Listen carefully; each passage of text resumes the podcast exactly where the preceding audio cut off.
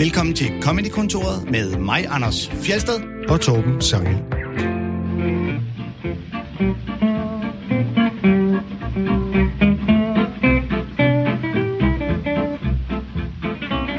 Comedy-kontoret, det er jo programmet, hvor vi spiller sjove klip og taler om dem med en gæst. Og i dag, der skal det i anden del af programmet handle om især en bestemt by. Det er jo sådan, at øh, komikere, de taler tit om konkrete byer, der hvor de kommer fra, eller der hvor de bor nu, eller der hvor de optræder. Og det er så stor en ting, at vi nok kommer til at lave flere udsendelser om det emne, men i dag der bliver fokus på New York og en lille smule på forskellige steder i Danmark. Og det sidste her med Danmark, det står vores gæst for. Han hedder Mark Lefebvre. Velkommen til dig. Jamen, mange tak, fordi jeg måtte være her. Du har jo lavet stand-up siden 2008. 10, og- 10, 10, 10, 10. Nå! Ja. Ja, det må så nogen rette inde på Wikipedia. Øh, Står der 8 inde på Wikipedia? det tror jeg nok. Ellers ved jeg ikke, hvor fanden jeg har det fra. Eller også står det i en eller en eller anden øh, hjemmeside. Øh, det er lige meget. Nej, nej, 2010. hvad lavede du fra 8 til 10? Ja, hvad lavede du der? Det var, øh, jeg blev færdig med gymnasiet i 8, Nå. og så havde jeg lige et år, hvor jeg var ude og tjene lidt penge. Åh oh, ja. Ude at flyttede- tjene, ja. Det Ja. skal man jo. Så flyttede jeg til Aarhus, det gjorde jeg i 10. Så gik der lidt buer, så prøvede jeg øh, at optræde på Café Smagløs. Øh, et sted, der ikke er open mic længere, men øh, caféen finder stadigvæk i Aarhus. Rigtig dejligt. Og så gik det bare slag i slag derfra. Ja, men det, det er ikke engang helt ved siden af. Altså, det var alle brækkerne faldt på plads ja. Ja. øh, den aften. Altså, øh, det er der mange, der kan genkende til den der følelse, at man ikke ved, hvad man lige skal. Øh, jeg altid gerne vil optræde, men, mm. men øh, det, det hele gav mening den aften. Fedt. Mm. Og resten er jo historie, kan man sige. I 2019, der lavede du et one-man-show, der hed Bøvl, som vi kommer tilbage til. Du har lavet radio, du har lavet webting på sociale medier, og du er medvært på tv-programmet Stormester også, Ja. hvor mange vil kende dig fra. Er du sådan kommet i gang med at optræde efter corona? Ja, det er jeg sådan set. Der er jo mange open mic steder, øh, der har åben nu. Så der har jeg egentlig været afsted øh, forholdsvis mange gange, og der er sådan øh, privatjobs, er, der er nogen, men det er nok der, jeg kan mærke det mest. At øh, der har Ja. været en del aflysninger eller omskeduleringer. Ja, Så det er faktisk skide irriterende. Det er simpelthen irriterende. Ja. Alle de der, "Øh, kan vi lige flytte det der job til februar? Ja, det kan vi godt. Ja, men det, det, det er en ringe trøst, men det har jo ramt rigtig mange mennesker, så det, det Ja. men ja, åh oh gud. Det betyder også, at vi går en tid i møde, hvor der kommer til at være så crazy meget comedy, fordi alle, der har udskudt alle deres shows hen over foråret, de skal sætte det til efteråret eller næste forår, hvor at andre har planlagt andre shows i forvejen, så det hele kommer til at falde oven i hinanden. Folk snubler over hinanden for at få lov til at optræde. Jeg håber, at... Øh, jeg har dog også indtryk af, at folk vil jo gerne ud nu. Ud og opleve noget. Så jeg- håber, at det hele, det ligesom på en eller er anden måde flasker sig. problemet er ikke, at publikum ikke kommer. Problemet er, at de ikke må være så mange. Det er, Ja. jo, det er mere der, vi er. Så det er svært overhovedet at få lov til at komme ind og se stand-up i øjeblikket. Man skal virkelig være ude i god tid. Ja, præcis. Ja. Øh, vi gør jo det, vi præsenterer gæsten med øh, to klip, og øh, det første, det er det, vi kalder for det sjoveste nogensinde. Der har du valgt et klip af John Mulaney om mobning, og det kan være, at vi simpelthen bare skal høre klippet, og så tale om det bagefter. When I was in grade school, I was bullied uh, for being Asian American. And the biggest problem with that is that I am not Asian American. But when I was younger, and this is absolutely true, people thought that I might be Asian American. I have pretty thin eyes. I had very thin eyes when I was a little kid, and I had straight black hair that I wore in a bowl cut. And from the ages of three to eight, people thought that I might be a young Chinese person. On the first day that he met me, the guy that is now my best friend, he met me the first day of kindergarten. He went home that night and said, Papa, today I met a boy with no eyes. and that was me. Kids would make fun of me in middle school. Kids would call me a Chinaman, which of the racial slurs has got to be the laziest. That is just pushing two words together. No work was done there. It was very confusing to me because I'm not Chinese. No one in my family is remotely Asian. I mean, we take our shoes off when we come inside, but that was more of a carpeting thing than anything else. Here's how bad it got, though. I remember when I was in junior high, we had this music appreciation class that we never appreciated. And they took us to hear some classical music once at a symphony orchestra. So we go to a symphony orchestra. In one of these classical pieces, there's a moment where they bang a gong. And every time they banged the gong, all the kids sitting in front of me would stand up, turn to me, and bow like that. Which is some racist ass bullshit, but also incredibly well coordinated for a group of 13 year olds. 13 year olds are the meanest people in the world. They terrify me to this day. If I'm on the street on like a Friday at 3 p.m. and I see a group of eighth graders on one side of the street, I will cross to the other side of the street because eighth graders will make fun of you, but in an accurate way. They will get to the thing that you don't like about you. They don't even need to look at you for long. They'll just be like, ha Hey, look at that high waisted man. He got feminine hips. And I'm like, no, that's the thing I'm sensitive about.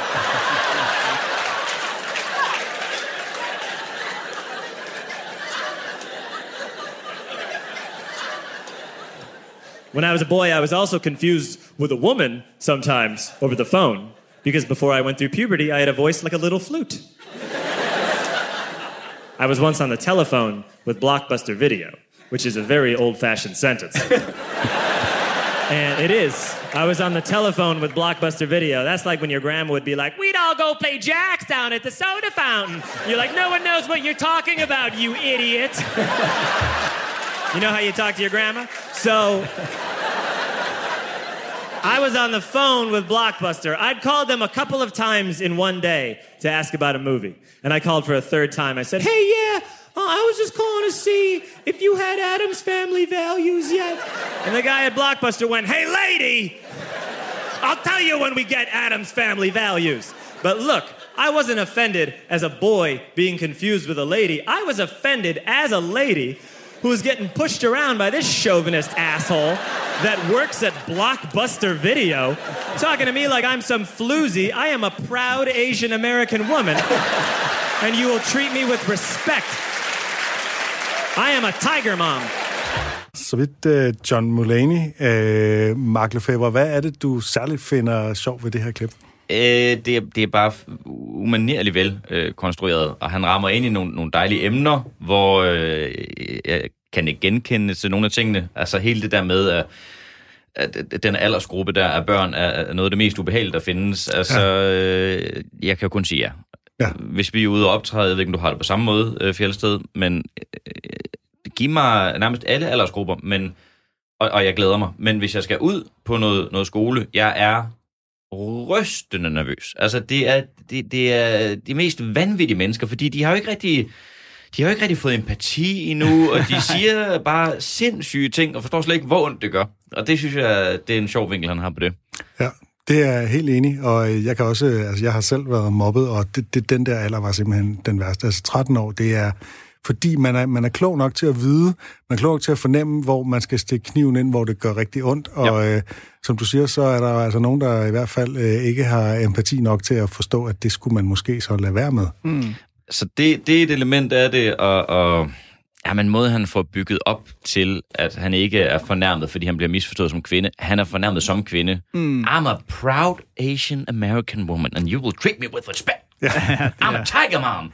Altså, det, det er så fint skruet sammen. Og så den der lille tangent med, øh, at, han, altså, øh, at når han siger, at han ringede til Blockbuster, det svarer til, når hans bedstemor sagde et eller andet med at spille ja. Jacks Down by the Soda Fountain. Ja. Altså sådan, det der med, øh, hvordan han så ligesom får turneret hele den der med, hvordan man taler til sin bedstemor og sådan noget, synes jeg også er virkelig sjovt. Ja, og et godt eksempel på, hvor god han er til at simpelthen fylde jokes på hele tiden. Selv ja. hans setups afbryder han for at fylde jokes ind, ikke? Præcis. Øh, fordi alene det der med, jeg ringede øh, fra min telefon til Blockbuster, det, det, det får han lige lavet jokes på, fordi det er jo en gammeldags sætning. Det fylder han endnu flere jokes på, vil lige... Øh, altså, så der er bare ikke et øjeblik, hvor man ikke griner af et eller andet. Nej, han er meget, meget dygtig skriver. Han arbejder jo som skriver i, i mange år på øh, Saturday Night Live, og, og ja. det, det kommer bare tydeligt til udtryk her. Altså, ja. han er sindssygt dygtig til at skrive. Og, øh, og så det er også et godt eksempel på, hvor, altså, hvor brugbar selvironi er, når man laver stand-up comedy. Altså, hvis du evner at være selvironisk og pille dig selv ned og, øh, og lave jokes på de ting, som gør ondt på en selv, det kan du virkelig få folk til at grine meget af. Og så kan man jo også, hvis man skal uddrage en moral, hvad man ikke nødvendigvis skal, men nu får jeg lyst til det alligevel, så den der sidste sætning med I'm a proud Asian American woman, altså det er jo det, er jo det det er jo måden, du kan takle mobning på, hvad de færreste 13-årige desværre ved. Mm. Det er ved simpelthen at tage det på dig og ja. sige, ja, og jeg er stolt af det. Mm. Også selvom det ikke er rigtigt i det her tilfælde. Ja, ja helt sikkert. Øh, jeg synes, han er en spændende person. Det kan da godt løfte sløret for, at vi kommer til at høre noget med Chappelle på et tidspunkt også. og vi snakkede lige inden mikrofonen blev tændt om, at det er to lidt forskellige øh, personer. Chappelle er på papiret den her meget cool person, og Mulaney er lidt mere en, en pæn dreng, om man vil. Han mm. klæder sig lidt som sådan en nyhedsoplæser fra, fra 60'erne. Eller en Jehovas vidne. Ja, dybest set. Og han joker også med, at han egentlig ikke synes, han ser ældre ud. Han ligner bare mere og mere et slidt barn, som han vokser. Mm. Øhm, men der er noget fanden i voldskhed bag facaden ved ham. Han har en meget mørk fortid. Han har været altså sådan helt skudt afsted på stoffer og alkohol, øh, som i hele tiden nærmest. Han har så lagt alt det der på hylden nu, men det synes jeg, man kan mærke en gang imellem, at det sådan pipler frem på overfladen.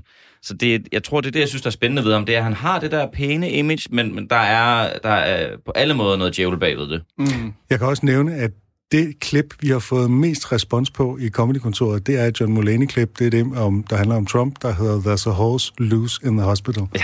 Det har virkelig øh, ramt en nerve hos, uh, hos mange. Ja, han er jo også meget clean, John Mulaney. Modsat Dave Chappelle, vi skal høre om lidt. Ja. Så, uh, så siger han sjældent, du ved, sjofle ting eller lignende. Han, han snakker meget rent, og så er han helt vildt uh, artikuleret. Så man kan mærke til hans udtale, han siger tingene meget, altså hele melodien og alting ligger trykkende på en meget præcis måde. Det første, jeg egentlig øh, jeg lyttede til, var netop, at jeg lyttede til ham. Jeg hørte hans øh, one-man-show, der hedder New in Town, mm. som jeg købte på iTunes. Så der gik ret lang tid. Jeg tror, jeg har noget hørt det 10 gange eller sådan noget igennem, før jeg ser nogle klip med ham. Han er så god på lyd, som du siger. Ja. Du forstår alt, hvad han siger, uden at det er sådan... Han taler jo ikke på en eller anden pædagogisk måde, hvor han prøver at skære det ud i pap. Det går hurtigt, det hele, men han er bare velartikuleret. Ja og, snak, og snakker meget rent, hvor du ved, Dave Chappelle andre godt kan have tendens til måske at mumle lidt, eller prøve at sige tingene på en lidt mere. Så her så er det nærmest som om, han står på en teaterscene og leverer teaterreplikker, ikke, hvor det virkelig skal siges. Så synes jeg jo, det er sjovt, med, at han nævner, at han blev drillet med Chinaman.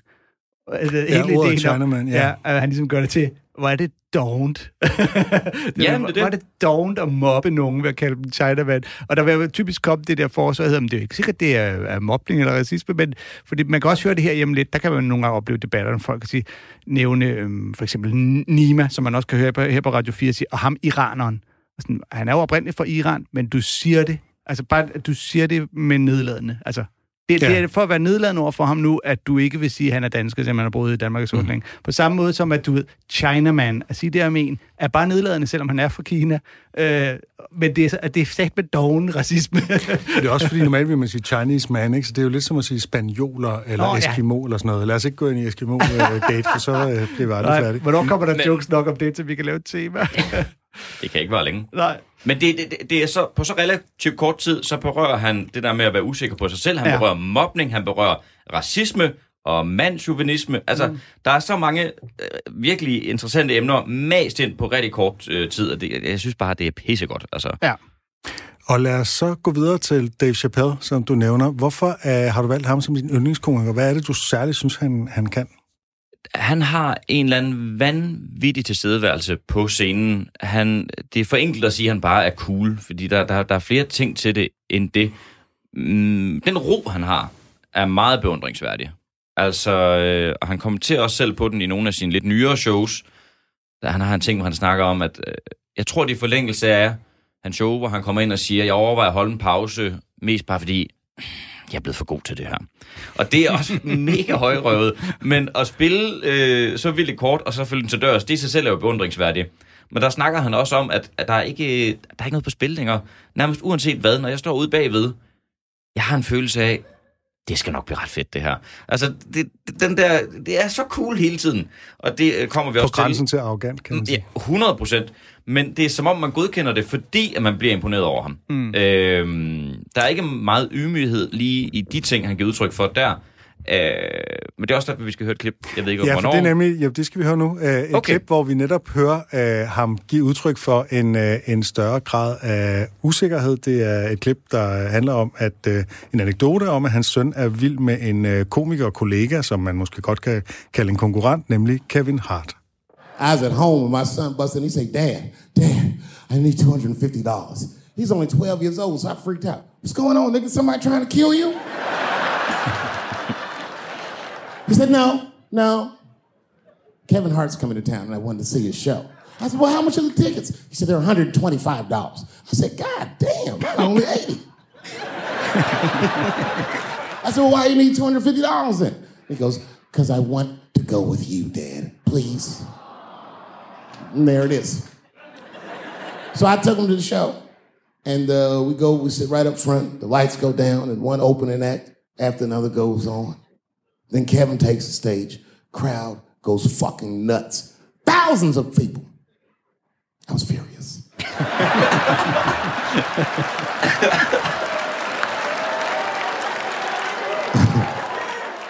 the longer the show went on, the madder I got. Because his show was fucking outstanding. It was maddening. These people were fucking holding their stomachs. My son was slapping his knee. I'm like, nigga, I do this too.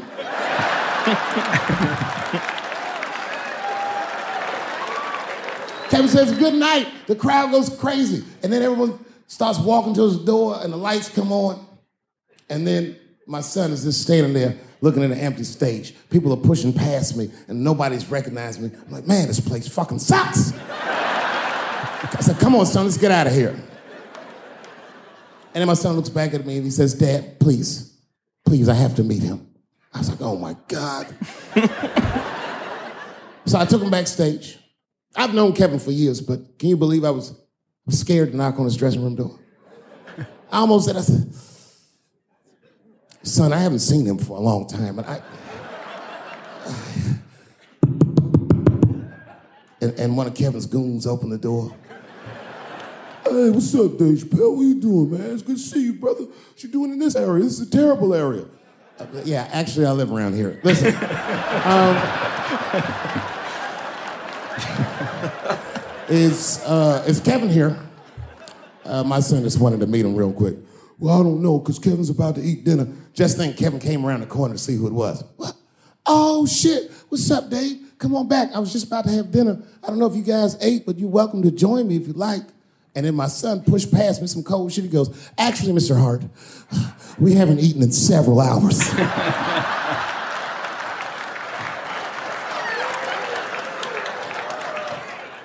Man, Kevin took us into his back room. This guy had a fucking spread. It was Tuesday night. This motherfucker was having Sunday dinner. Steaks, chops, corn with butter all over it. My son was eating all fast, embarrassing me. I was like, slow down, son.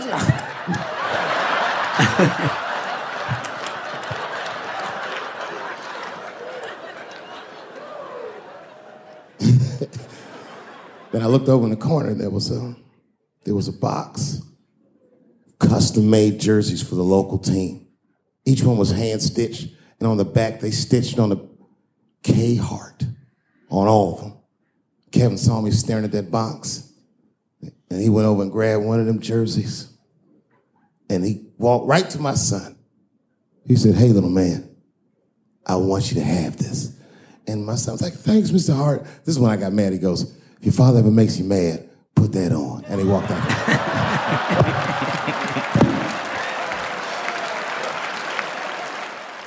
Was some cold shit. then I realized, I looked up what Kevin made on Google. I couldn't believe that shit. Kevin is the first comedian that a Drake song could be about. Kevin could walk around his house and sing All Me, and the whole song would still be true. Got everything, I got everything. I cannot complain. I could not. I don't even know how much I really made. I forgot. It's a lot. Fuck that. Never mind what I got. And his wife be like, Kevin, come to bed. He'd be like, Ho, shut the fuck up. I got way too much.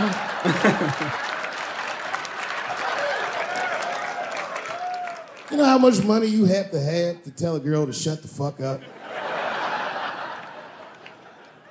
I have quiet please money at best. I'd have to take a loan out for shut the fuck up.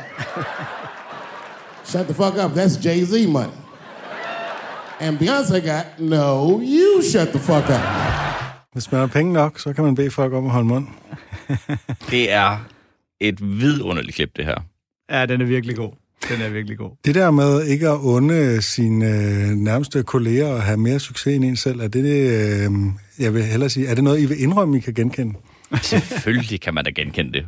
Altså, øh, men det er jo en blanding. Man kan da også godt være glad på nogens vegne, men man kan med også være rasende. Altså, og det, jeg synes, det der er så dejligt, det er, at vi snakker om en mand, som er en altså, af de aller, aller største, der overhovedet er. Det kan Ja. godt være, at billetsalgsmæssigt, så er Kevin Hart større, men det er, det er bare sjovt. Og det er jo det, vi snakker om, før vi hørte klippet, at han er cool, alle ser op til ham, så den her bid er bare pisse dejlig, fordi at den handler om, hvor smålig han er, og usikker, og også, ja, det kan godt være, at det er noget, han måske lidt overdriver, men det er bare, det fungerer så godt.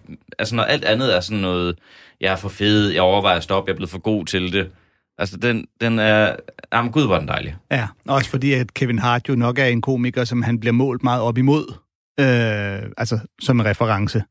Øh, altså nu har han jo været på tur med John Stewart, men det vil ikke fungere på samme måde, øh, fordi de er jo så forskellige rent Ja, og John Stewart er mest kendt som tv-vært mere Ja, end som er stand-up-komiker Ja. og sådan noget, ikke? Ja. Øh, jo, men helt klart. Ja, altså, jeg det- vil sige, jeg, jeg personligt jeg tvivler lidt på, altså jeg tror, han har smurt på. Jeg tror, han har haft sin knæk med inden at se Kevin Hart, og så tror jeg, han ligesom har digtet historien ud, eller biden ud for det. Det finder vi jo aldrig ud af, men det er jo sjovt den måde, han ligesom det, i hvert jeg, fald... jeg har jo mødt ham, kan jeg også sige. Ja, Oh, Jesus, hvor er det irriterende. Jeg har jo hængt ud med, Ja. med Dave du er venner Fik med ikke- alle de store amerikanske komikere. Fik ikke lige spurgt ham. det, øh, øh, men han bruger, at det er jo det der med, at han bruger, det er jo sådan en typisk fortællet ting, skal han bruge sin, sit barn som sådan en, en vej ind i et eller andet, som han ikke selv vil ind i, ikke? Og barnet er bare sådan... Mm.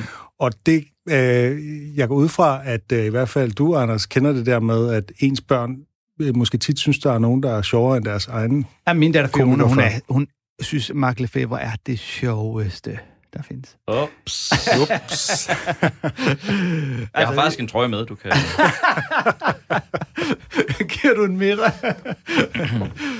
ja. Uh, nej, men, men det, og det er sjovt, fordi min første tanke, da jeg hørte øh, den her Dave Chappelle-bid, det var, tager du din 12-årige knægt med ind og se et stand-up show? Altså, normalt herhjemme har vi jo sådan, man skal være 15 for at komme med, og hvis jeg optræder et sted, hvor der sidder 12-årige, så synes jeg, det, det synes jeg er himmeligt. Men har, du har ikke haft Fiona med ind og se et stand-up show? Nej, det, nej, det har jeg ikke. Hun, Okay. okay. hun er engang, øh, jeg har optrådt på Langelandsfestivalen, hvor hun stod med sin øh, kusine, øh, du ved, nede i siden og så det, fordi farmand var der, ikke? Og hvor du fyrede en masse pig jokes af? noget. Jeg udlod de værste, øh, jeg havde min, min kone og min datter jokes.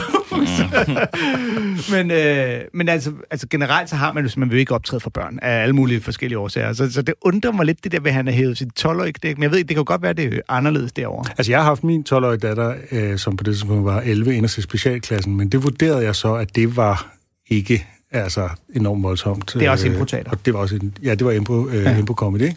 Øh, men det, der kunne godt, og der var også nogle sjove ting og sådan noget. Vi har også set ting altså på fjernsyn sammen, hvor det mm. indimellem blev meget sådan både seksuelt og forskellige ja. Andre ting voksent, ikke? Men der skal man så også huske, en ting er, at du sidder derhjemme og ser det.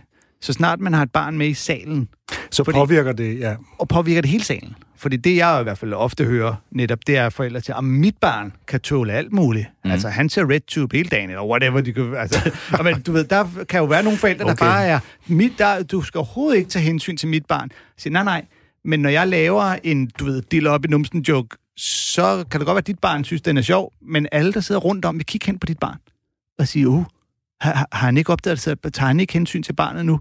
Og, og derfor får det simpelthen en indflydelse på øh, hele stemningen i lokalet, øh, hvorfor jeg faktisk i virkeligheden plejer at påtale det som noget af det første. Nå, har du taget din øh, 12-årige med ind? Der kommer altså nogle analudblokningscocktails-jokes lige om lidt, som dit barn nok skal forklare dig senere, eller whatever man nu kan finde på at sige åndsvære ting. ja.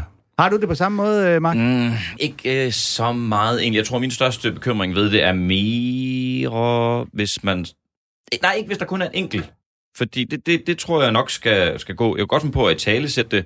Øhm, jeg synes egentlig ikke, jeg har noget, som er Altså, jeg har da helt klart nogle seksuelle ting, men jeg har ikke noget, hvor jeg føler, at jeg siger noget, der er så voldsomt, hvor jeg tænker, uha, det er ikke egnet for en 12-årigs øre. Nej. Også fordi, altså, jeg kan huske, hvad jeg så og tænkte, da jeg selv var 12 år, hvor jeg tænker, du kan ikke sige noget, der rigtig ryster mig. Det er mere en leg, man har med forældrene, hvor de gerne vil lade som om, nej, mit barn har nok aldrig hørt om noget. Ja. Øh, det er jo mere, hvis der var lidt flere af dem til stede. Min største bekymring er egentlig bare, at jeg ikke formår at underholde dem, fordi der er for mange af de ting, som øh, jeg snakker om, som de på ingen måde kan relatere til. Så det, det er meget mere det, jeg, jeg stresser over, øh, og ikke så meget men andet. kan, der skal du vel egentlig bare sige, at det er jo kun én publikum, og det er jo egentlig ikke min målgruppe. Så Det er også det, det er det, jeg mener. Så det vil ikke stresse mig, hvis der bare var en enkelt. Så tror jeg bare, jeg vil forsøge at få lidt sjov ud af det, hvis der kom noget, som var i et emne, hvor man tænker, det, det, og, og det er ikke engang noget, jeg vil gøre for at... Øh, øh, for at, øh, hvad skal man sige, at sætte øh, den, den 12-årige i, i fokus. Det er meget mere for at gøre forældrene pinligt berørt. Ja, det vil ja, være min vej ind i det. Men det, øh, nej, det vil, det vil sgu ikke øh, forstyrre mig så meget. Øh, jeg tænker også den anden vej, at hvis det var et barn, der var inde og se Dave Chappelle, altså han har jo lavet nogle, du ved, den her sanger, tissede øh, kvinde, øh, groupiesne ned i munden-agtige jokes, hvor man tænker, hvordan fanden ville du have det, hvis dine venners øh, børn havde lyttet til det her? Så, de tisser også hinanden i munden hen i børnehaven. Det Jeg tror faktisk, det, der er flere i den aldersgruppe, der tisser hinanden i munden. End... men ikke, ikke, ikke af samme årsag. Nej, forhåbentlig ikke, nej. Jeg vil så jo lige sige, at når han laver en I have quiet please money, altså Dave Chappelle, så skal man lige huske, Han har ret mange penge. han har altså solgt tre Netflix special shows til 20 millioner dollars stykket. Øh, da han var i København, der fløj han til i sit eget private øh, jetfly. Øh, han, han har... Han, Han har shut up bitch money. han har her meget shut up money, selvom at Kevin Hart selvfølgelig har flere penge, og øh, lad mig så lige sige, at øh, Bill Cosby har øh, Kevin Harts penge mange gange. Har, jeg har ikke engang indtryk... og han er ikke, han er ikke kunne få folk til at holde kæft. så kan der kan være noget der. Og i mange år har han jo rent faktisk, øh, det tror jeg hører med til historien. Godt, du lytter til Comedykontoret med Torben Sangel og Anders Fjersted. Vores gæst er Mark Lefebvre, og nu skal vi til vores tema. Ideen var, at vi skulle tale om byer og steder. Det er jo sådan en stor ting i stand-up, så vi fandt en masse bidder om øh, byer, og det viste sig, at der var rigtig mange om New York, så det bliver et fokus i dag, og så kan vi lave en om nogle andre steder øh, senere hen. Men øh, først så skal vi lige fra Stensballe til Nørrebro med dig, Mark. Det er fra showet Bøvl fra 2019. Hvad var det for et show? Det var mit øh, allerførste øh, one-man-show, hvor jeg... Øh, sådan, den overordnede historie handlede egentlig noget om øh, sygdomsangst, og øh, at jeg laver en masse krumspring for at prøve at, at komme det til livs, og det, det kan jo godt afsløre, bider mig noget voldsomt i røven. Og øh, rammefortællingen for hele showet er så mig, der, øh, der går til en terapeut, hvor vi snakker om alle mulige forskellige ting. Og det, vi skal høre her, er sådan i den første del af showet, hvor min terapeut mener, at øh, sådan en stresstilstand, jeg befinder mig i, godt kan udløses af, når man øh, flytter. Fordi det er, teorien er, at når man flytter, vi redbygger som mennesker, så når vi flytter rede, så, så stresser det kroppen rigtig meget. Så klip til, at jeg flytter. Jeg forklarer hende, jeg er bange for, at jeg har en depression. Hun siger, ja, det kunne det godt tyde på. Så begynder hun at spørge ind til alle mulige facetter af mit liv, for at tune sig ind på, hvem jeg er. Men endnu vigtigere, hvad fanden har skabt den her depression? Og det første, hun spørger om, er, om jeg er flyttet for nylig. Hun forklarer mig, at vi mennesker, vi er redebyggere. Så når vi flytter bolig, så svarer det til, at der er nogen, der har taget vores fine rede og bare smadret den. Og jeg flyttede til Nørrebro for ikke så lang tid siden, og det var da en omvæltning for en lille jysk mand som mig. Især priserne. For satan da. Jeg er født og opvokset i en lille jysk flække, der hedder Stensballe. Mine forældre har et hus på 170 kvadratmeter. Der er en stor dejlig have. Der mangler ikke noget. Sidst, der blev det vurderet til 1,5 millioner kroner. Jeg prøvede bare lige i min boligsøgen i Københavns området og se, hvad noget størrelsesmæssigt tilsvarende det kunne løbe op i. Hoha!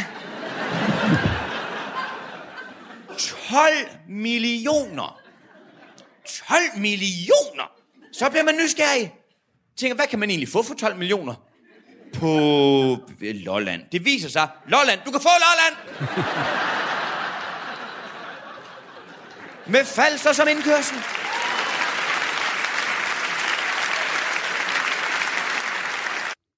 Ja, velkommen til Hammerslag her.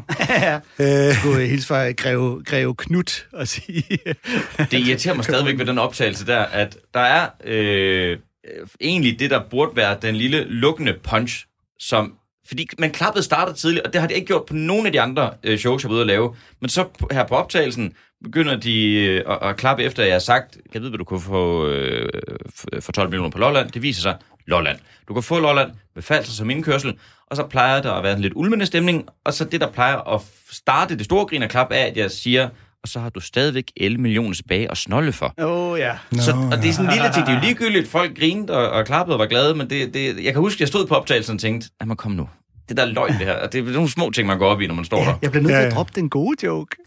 Og altså, øh, nu står du og ser øh, er meget sådan bekymret ud, mens vi spiller klippet, Ja, ja, det og det kan jeg sige, det er alle gæster, vi har haft derinde. Når vi spiller klippet med gæsten, så står de og lægger mærke til alle de der små ting, som kunne være en tand bedre, hvis man lige havde timet den anderledes, eller vendt den der rundt, eller droppet det ord, eller et eller Ja, andet. men det er vildt ubehageligt. Nummer et, jeg, jeg synes, det er irriterende. Min stemme er jo træls at høre på. Det, det er bare en grundlæggende ting. Den er nasal, og så selve historien. Kom nu i gang. Kom nu bare frem til det, du siger. Kæft, hvor er der meget ligegyldigt, og det er tempoet, og jeg, åh, rigtig ubehageligt at høre på. Men altså, jeg, jeg synes, det fungerer meget godt, men det, kan du så, det må du så tage med videre, og så bliver man jo bedre og bedre ved at høre sine egne øh, små... Ja, det håber jeg da. Det håber jeg da. Men det er jo, øh, altså, det er jo, det er jo ret klassisk, hele, altså hele København er dyrt referencen. Ja. Øh, og det er jo en, en af grundene til, at vi valgte det her tema, eller i hvert fald for mit vedkommende. Jeg tænkte meget, at, at det er sjovt, hvordan at byer simpelthen kan fungere som nogle referencer, som alle kan fange. Ja. Altså, hvor du simpelthen kan smide et bynavn ind, og så er alle fuldstændig med på, hvor vil vi hen her? Hvad er det, vi hentyder til? Ikke? Det gælder netop ikke Stensballe, men det gælder København, det gælder Lolland. Der ved vi, hvad konnotationen er. Nørrebro, ja. vi, ved, hvad, vi ved, hvad det ligesom handler om. Ikke? Lige præcis. Altså København, her er dyrt, Lolland, øh, utrolig billigt. Ja. Øhm, Problemet med de ting, synes jeg, er, at de har en forholdsvis kort levetid. Øh, jeg startede optræde i Aarhus, og der var Randers meget ofte. Randers eller Herning var, var Ja. meget hurtigt en punchline for et sted, mm. som ikke var så, så fedt igen. Og, og det, det, øh, den bliver bare lynhurtigt slidt. Ja. Sønderjylland, okay, jeg kan vide, om vi skal snakke om racisme eller pædofili nu. Altså, det er bare Præcis. sådan... Tønder, det, pædofili. Øh, Ja, og det, det, det kan, du- du kan ikke gøre det ret mange gange, før det er slidt helt i stykker, synes jeg. Ja, det er. Det, bliver hurtigt, det kan hurtigt blive slidt, og derfor så bliver det jo netop en, øh, hvad skal man sige, en kunst at kunne formulere sine øh, jokes og referencer på nyere måder, eller gøre dem mere elegante. Det kommer vi til at høre nogle gode der er eksempler en på. uskreven regel om, at Anne Hønsberg godt må, fordi hun selv er fra Tønder. Ja, Ja, og, det er måske og. Fuglendorf må gerne lave Amager-jokes, fordi han bor på Amager. Amager jokes, Der er ja. sådan Nå, men en- jeg, og jeg kan huske, at Jan Gindberg havde nogle glimrende jokes om Fyn, som mm. værende det der bump på vej til Jylland. Øh, Men det er jo helt klart også måden, man gør det på. Det er det der med, om byen bliver decideret punchlinen, eller bare ligesom er øh, en, en del af den suppe, man står og laver. Altså, øh, det hele handler jo om at, at lave et eller andet nyt take på det. Det gælder så også altså alle mulige emner, når, når folk kaster sig ud i noget, man tænker, har vi ikke, har vi ikke hørt folk brokke sig over det der? Ja. Jo, jo, men, men det er stadig et anderledes take på det. Så synes jeg, der er frit slag. Kør, Ja. kør, kør, kør. Helt sikkert, men, men det er også tit noget, når man øh, opbygger jokes og laver jokes, så er det tit det der med øh, at finde referencerne, hvor man ved, at alle forstår, hvad jeg mener. Og Mm. netop hvis du siger, nogen er Randers. Ja. så er stort set alle med på, hvad for en slags mennesker vi snakker om. Jamen, det er det. Øh, og, og, og på den måde, så kommer et sted bare til at fungere. Og det er jo selvfølgelig super ærgerligt, hvis du bor i Randers, og ikke går i Eller Tønder. Eller, eller hvis du bor i Tønder og ikke boller dine børn. Øh, men det, det er bare sjovt, hvordan det, det fungerer på den måde. Og, og, du- og du har jo så ret. Det er jo netop typisk, det bliver meget de samme steder, man bruger. Mm. Øh, og så bliver kunsten jo netop at finde på... Altså, jeg har jo selv haft det med at, at bruge Holte som en reference til øh, rige idioter, der er super snobbet. Så som Anders Fjeldsted. Jamen, og det er jo det, når jeg, jeg, jeg har et svært ved, når jeg skal lave jokes. Hvis jeg skal sige, at jeg er for Holte, så føler jeg næsten, at jeg er nødt til at forklare, at nej, jeg er ikke mega rig. Altså, jeg bor i et lille Det siger rækkehus. Dave Chappelle også, Anders. Han sagde til mig, bor du i Holte, mand? Wow. Har du shut the fuck up, bitch money? Nu skal du være ærlig. Jeg har... Øh, Anders, nu tømmer du øh, opvaskemaskinen, mens øh, jeg lige forbereder lektionerne til i morgen, money. Okay. det er i hvert fald det, hun siger til mig som regel. Vi skal fra Holte til en anden by, nemlig New York. En, øh, en meget mytologiseret by, og en by, der øh, også er langt dyrere end København, og det er noget, som Morgan Murphy taler om her. Well, what else about me? I used to live in New York City. Um, not my fave. Not my favorite place. I like it. I love. I actually love it. I love visiting it. It's great. I understand the appeal. If you can dance, you can make it there, and all that shit. Fantastic, right? But it's never been like I don't know. When I'm at home in Los Angeles, I never think, you know what? I wish this place was smaller but costs more money. I never think that. Like New York was crazy. I paid so much money for this little apartment, and every time I showered, it looked like I was hiding. Like I was just like in the corner. And I go, you know, it's gonna get better when I go outside. And you go outside, and it smells like shit. It smells like shit. And then you go on the subway, and it still smells like shit. And you just want to grab the person next to you and go, guess why it smells like shit here? Guess why? Really, just pull them in and just go. Cause a person shit here.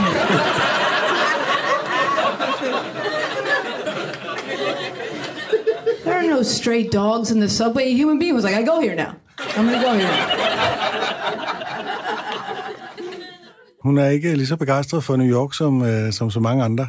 Øh, jeg har også sådan en, en lille brusekabine, der, øh, der står inde i et kosteskab, øh, så jeg kan godt genkende det der med, at det er lidt som om, at man, man går ind og gemmer sig, når man skal i bad. Det er et sjovt billede. Det synes jeg er virkelig et sjovt billede. Altså, at- man står og gemmer sig Ja. i, i sin bruser. Øhm, men det, og det, er jo, det er jo sjovt, fordi der er jo, du kan bruge byer som referencer på øh, øh, to måder. Der er jo enten netop det der, hvor du bare nævner byen, og så er det en reference til, folk ved, hvordan er folk i den her by. Eller, og, eller også, det der rigtig ofte sker, er jo, at komikere starter et show, så skal man lige etablere, jeg ved godt, hvor vi er. Mm. Øh, du ved, typisk så er det jo sådan noget pandering the locals. Øh, så, hey, det er super fedt at være her i øh, San Francisco, og så hey, woo. Eller også så er det jo netop, øh, ligesom Morgan Murphy her, jeg er flyttet til New York og boet her, Øh, jeg synes, det er mærkeligt, fordi bla bla bla. Ja. Og, så får, og det er jo lidt det samme, du egentlig gjorde. Du sagde, du ved, jeg kom fra Jylland, så kom til Nørrebro, så har jeg fundet ud af, gud, hvor har sært. Øh, nærmest samme virkemidler, som vi hører øh, Mohammed Abane og Omar og Melvin Kakusa lave, bare med, så kom jeg til Danmark fra et helt andet sted. Nu skal mm. Mm. høre, hvor mærkeligt det er.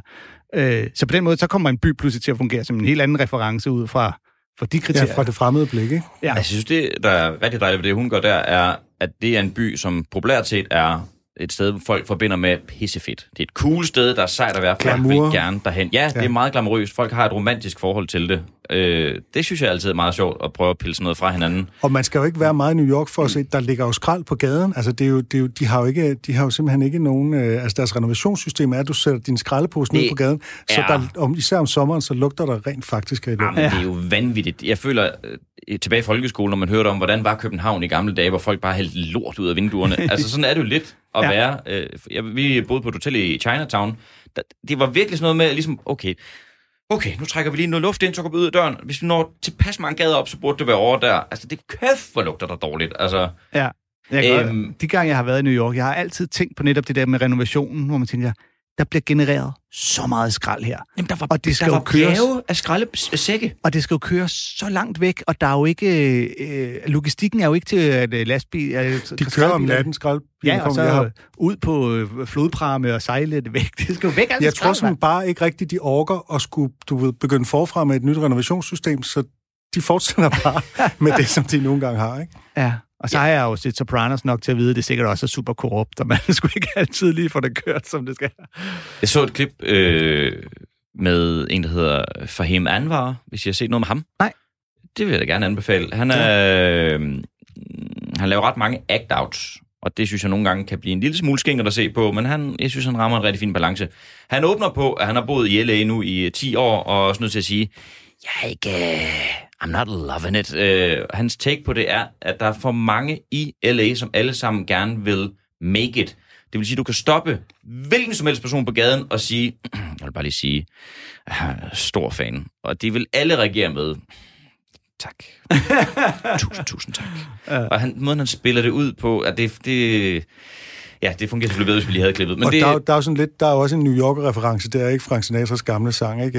Uh, If I Can Make It Here, Ja. Make It Anywhere, Ja, som hun jo også Dance. uh, henviser til, ikke? Ja. Og det er jo sådan den der, og den er jo, altså især i Hollywood, ikke? I Los Angeles, der er det jo simpelthen en kæmpe ting. Alle, som står nede på burgerbaren, de vil i virkeligheden gerne være skuespillere, ikke? fuldstændig. Mod, modbeviser den pointe til en vis grad. De kan ikke alle sammen klare den. Jeg kan, jeg kan godt Nej. lide Morgan Murphy. Hun Men er, det er så også om New York, man siger det. Ja, det er selvfølgelig rigtigt. Hun er simpelthen så laid back, øh, Morgan Murphy. Man kan høre det her. Altså, Ja, det hun del er ikke imponeret over New York. Nej, og hun, Mm. jeg tror, hun, hun lægger også lidt på, men hele den der stil er at være så afslappet. Altså, hun, man tænker jo, du skider i bukserne, hvis du slapper mere af nu. Øh, det, er- det, er- også skægt at sige. Hvorfor lugter der lort? Fordi folk skider her. Der er ikke nogen hunde i øh, metrotoget, så, så der er nogen, ja. der har skidt dernede. Øh, det var jo sådan en, en kort bid, og nu kommer der en endnu kortere en med Nate Bargatze, som egentlig bare er en joke med et efterfølgende tag. Og tag, det er altså de her uddybninger, der hæfter på hovedjoken. We have a daughter now, and uh, so it's getting, you know, two-year-old daughter. It's getting pretty serious between me and my wife now, and it's, I don't know. I was living in New York uh, when my daughter was to be born. She was not born here though. We flew home. She was born in Tennessee. I didn't want her to be born in New York. You know, I don't need her growing up thinking she's better than me. Uh, yeah, yeah. I was like, you start where we start, all right? No one gets a leg up in this family. Uh, Ja, jeg har jo boet i New York, og det er faktisk rigtigt, man bliver, man bliver bedre end jeg andre af at bo i New York. Jeg synes, at, øh, at lige det her, det er et mega godt eksempel på, hvordan sådan en stedlig reference bare kan ramme bullseye. Fordi som, som du siger, Mark, så kan de her øh, øh, lokalreferencer hurtigt blive øh, slidte, ikke? Vesterbro, mm. det er hipsters, den på Østerbro, det er øh, spælttosser, alt det, vi har hørt dem 100 gange før. Her kommer han med en reference, og man kan høre alle publikum, det er optaget i New York, de fanger den instantly og klapper og griner. Det er ikke, et, men det, det er ikke noget, der er nogen, der har tænkt over, før han ligesom siger det. Altså den der tanke om, at vi bor i New York, så vi er federe end alle andre. Men i og med, at han ligesom lige pakker den ind i min datter, hvis hun var født der, ville hun tro, hun var bedre end mig. Den kan alle fange lige med det samme. Mm. Jeg synes sæt, hvad godt lavet. Og det undrer mig lidt, at han så kommer med det her tag bagefter, fordi det er egentlig bare altså, redundant. Han siger egentlig det samme igen, sådan lidt med nogle andre ord. Det er noget, som også irriterer mig lidt ved, øh, jeg synes, den er fin, den her, men det irriterer mig lidt ved, at Jerry Seinfeld gør det tit, det der. Han siger en ting, så siger han det på en anden måde, så siger han det på en tredje måde. Sådan lidt varianter af den samme pointe, som, og det er, altså, det er meget musikalsk gjort, når, mm. når Jerry Seinfeld gør det. Men der er også bare sådan lidt, joken har været der. Er det, du mener, at han siger, Han lægger- nobody gets a leg up in this family? Ja, ja, det er det, der er taggen her, ikke? Ja, okay. Ja, okay. Altså, det er jo samme pointe, ikke? Og det er jo også Jo. tydeligt, det er jo, det, er jo, det, er jo, det er jo der, hvor han siger det med datteren, at hun skal ikke tro, hun er noget. Det er der, den får grinet, ikke? Det Jo. andet, det er sådan Ja. ligesom bare, så, så snakker vi lidt videre, ikke? Ja, jamen, det kan jeg godt til, hvad du mener. Øh, selvom jeg synes egentlig, det, det, det har jeg ikke tænkt over før. Ja, det, er ikke noget, det er ikke noget problem, det var bare for lige at øh, adressere det her. Ja, Det det som, er, som en mere generel ting, jeg sådan jævnligt jagter, og som nogle gange er mere irriterende end andre. Jeg synes ikke, det er irriterende her. Nej, Men det undrer mig bare alligevel, at han gør det. ja, om, fordi Men- bare, ja, jeg kan godt se, hvad du mener, men den er jo heller ikke sådan en til en. Den, den, jeg synes, øh, den gentager det der med, at New York, som vi lige har sagt, altså føler man sig bedre, men jeg synes det, også, den lige peger på, hvordan deres familie er konstrueret. Altså det der med, at, han ikke lige kan unde sit barn. Der, sådan, noget. så den, den, den, den Ja. tilføjer alligevel lidt noget mere øh, Ja, det er rigtigt. ja. indblik i, hvordan han har tænkt sig at, at opdrage... Øh, ja, fordi der er jo både vinklen af, at hun skal ikke tro, hun er bedre end mig, mm. og så er der den der, der hedder, jeg ønsker ikke, at hun skal have det her forspring og blive bedre end mig. Altså, det, det er jo nærmest som om, han bekræfter, at hvis du er født i New York, så er du faktisk lidt federe. Øh, vil ligesom at sige. Det, det, det, det fordel vil du, skal du fandme ikke få fra start. Så vi Ja. flyver hjem til Tennessee og får dig født der. men han er en spændende størrelse, synes jeg. Han- Han, han begynder vokser- at høre ham mere og mere. Ja, han vokser også på mig. Jeg synes, han er sindssygt sjov. Altså, han, han bliver... Øh, jeg er blevet virkelig øh, vild med ham. Det her det er jo fra showet Full Time Magic, som man kan høre på Spotify, og øh, track-titlerne synes jeg er lidt skæg. Øh, det er jo altid irriterende, når de kalder øh, tracket det, som joken handler om. Mm. Det er sindssygt irriterende, især når man som også sidder og leder efter specifikke. Men øh, han, øh, altså, hans første nummer hedder I've Got to Name My Chapters. Og så hedder det næste For My Special. Og så er det Comedy Central Special. You were there. What do you mean you don't remember? It was in New York City. Så han har Ja, bare det er givet dem alle sammen titler, der gør det til en lang øh, sætning. Og det har været en eller anden sådan øh, sen, sen du, skal, du, skal, du skal have fundet nogle titler til dem her. Åh, oh, jeg skriver bare et eller andet. Ja, det sådan, med- ikke? Og så, man jo ikke- så bliver det så til en joke selvfølgelig. Ikke? Ja, lige Øh, præcis. Det er andre, der har leget med, ikke? At ligesom, øh, øh, hvad hedder han, øh, David Cross har for eksempel leget med. Ja, og sådan han har også kaldt nogle ting, der... helt absurde ting, der intet har med indholdet at gøre. Det er sindssygt irriterende. Daniel Tosh kalder dem bare 1, 2, 3, 4, 5, 6, 7. Ja, det er jo den, den simple mulighed.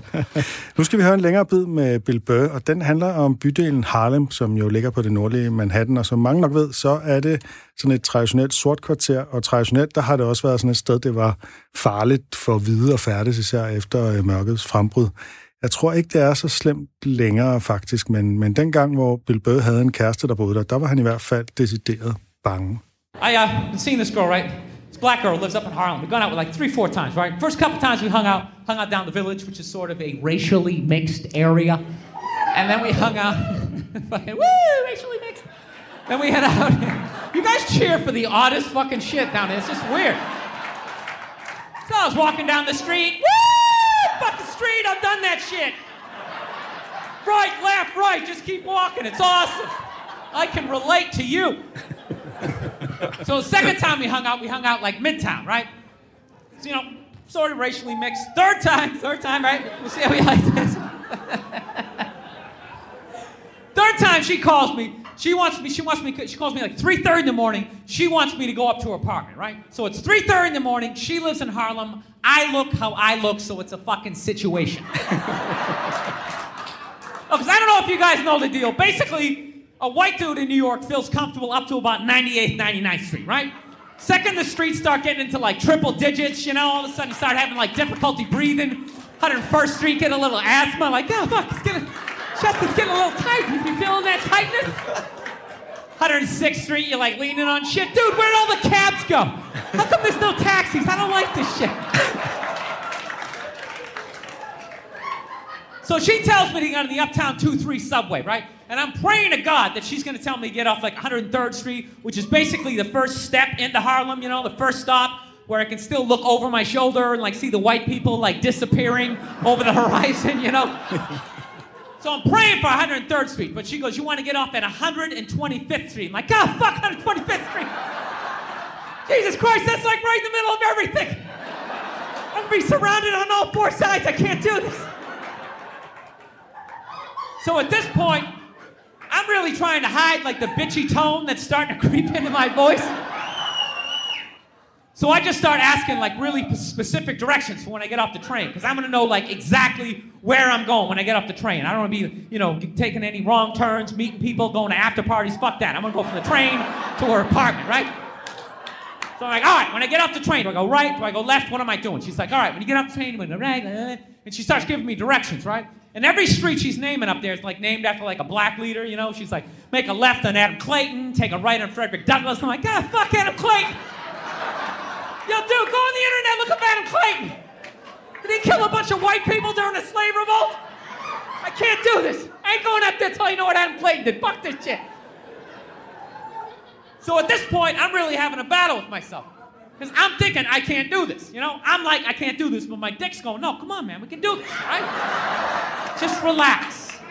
Pull yourself together and get on the goddamn train, right? So as always, I listen to my dick, right?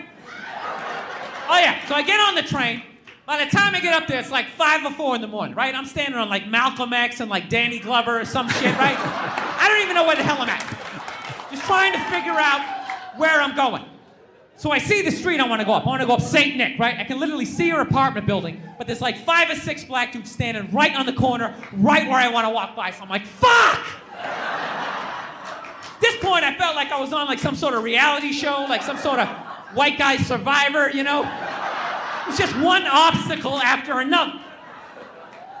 So I'm like, I gotta walk by these guys. There's nothing I can do. I just, I gotta walk right by these guys. And I was scared shitless. But you know what? I actually think, I think that they were a little more surprised to see me than I was scared, you know? And make no mistake, I was really, really fucking scared.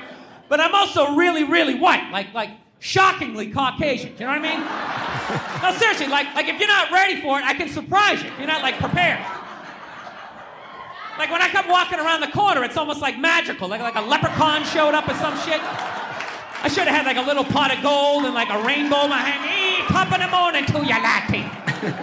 All right, listen, my name's Bill Burr. You guys are a lot of fun. Thank you very much. Ja, det var slutningen af showet. Jeg kan godt lide der, hvor i begyndelsen, hvor der er en, der råber, woo!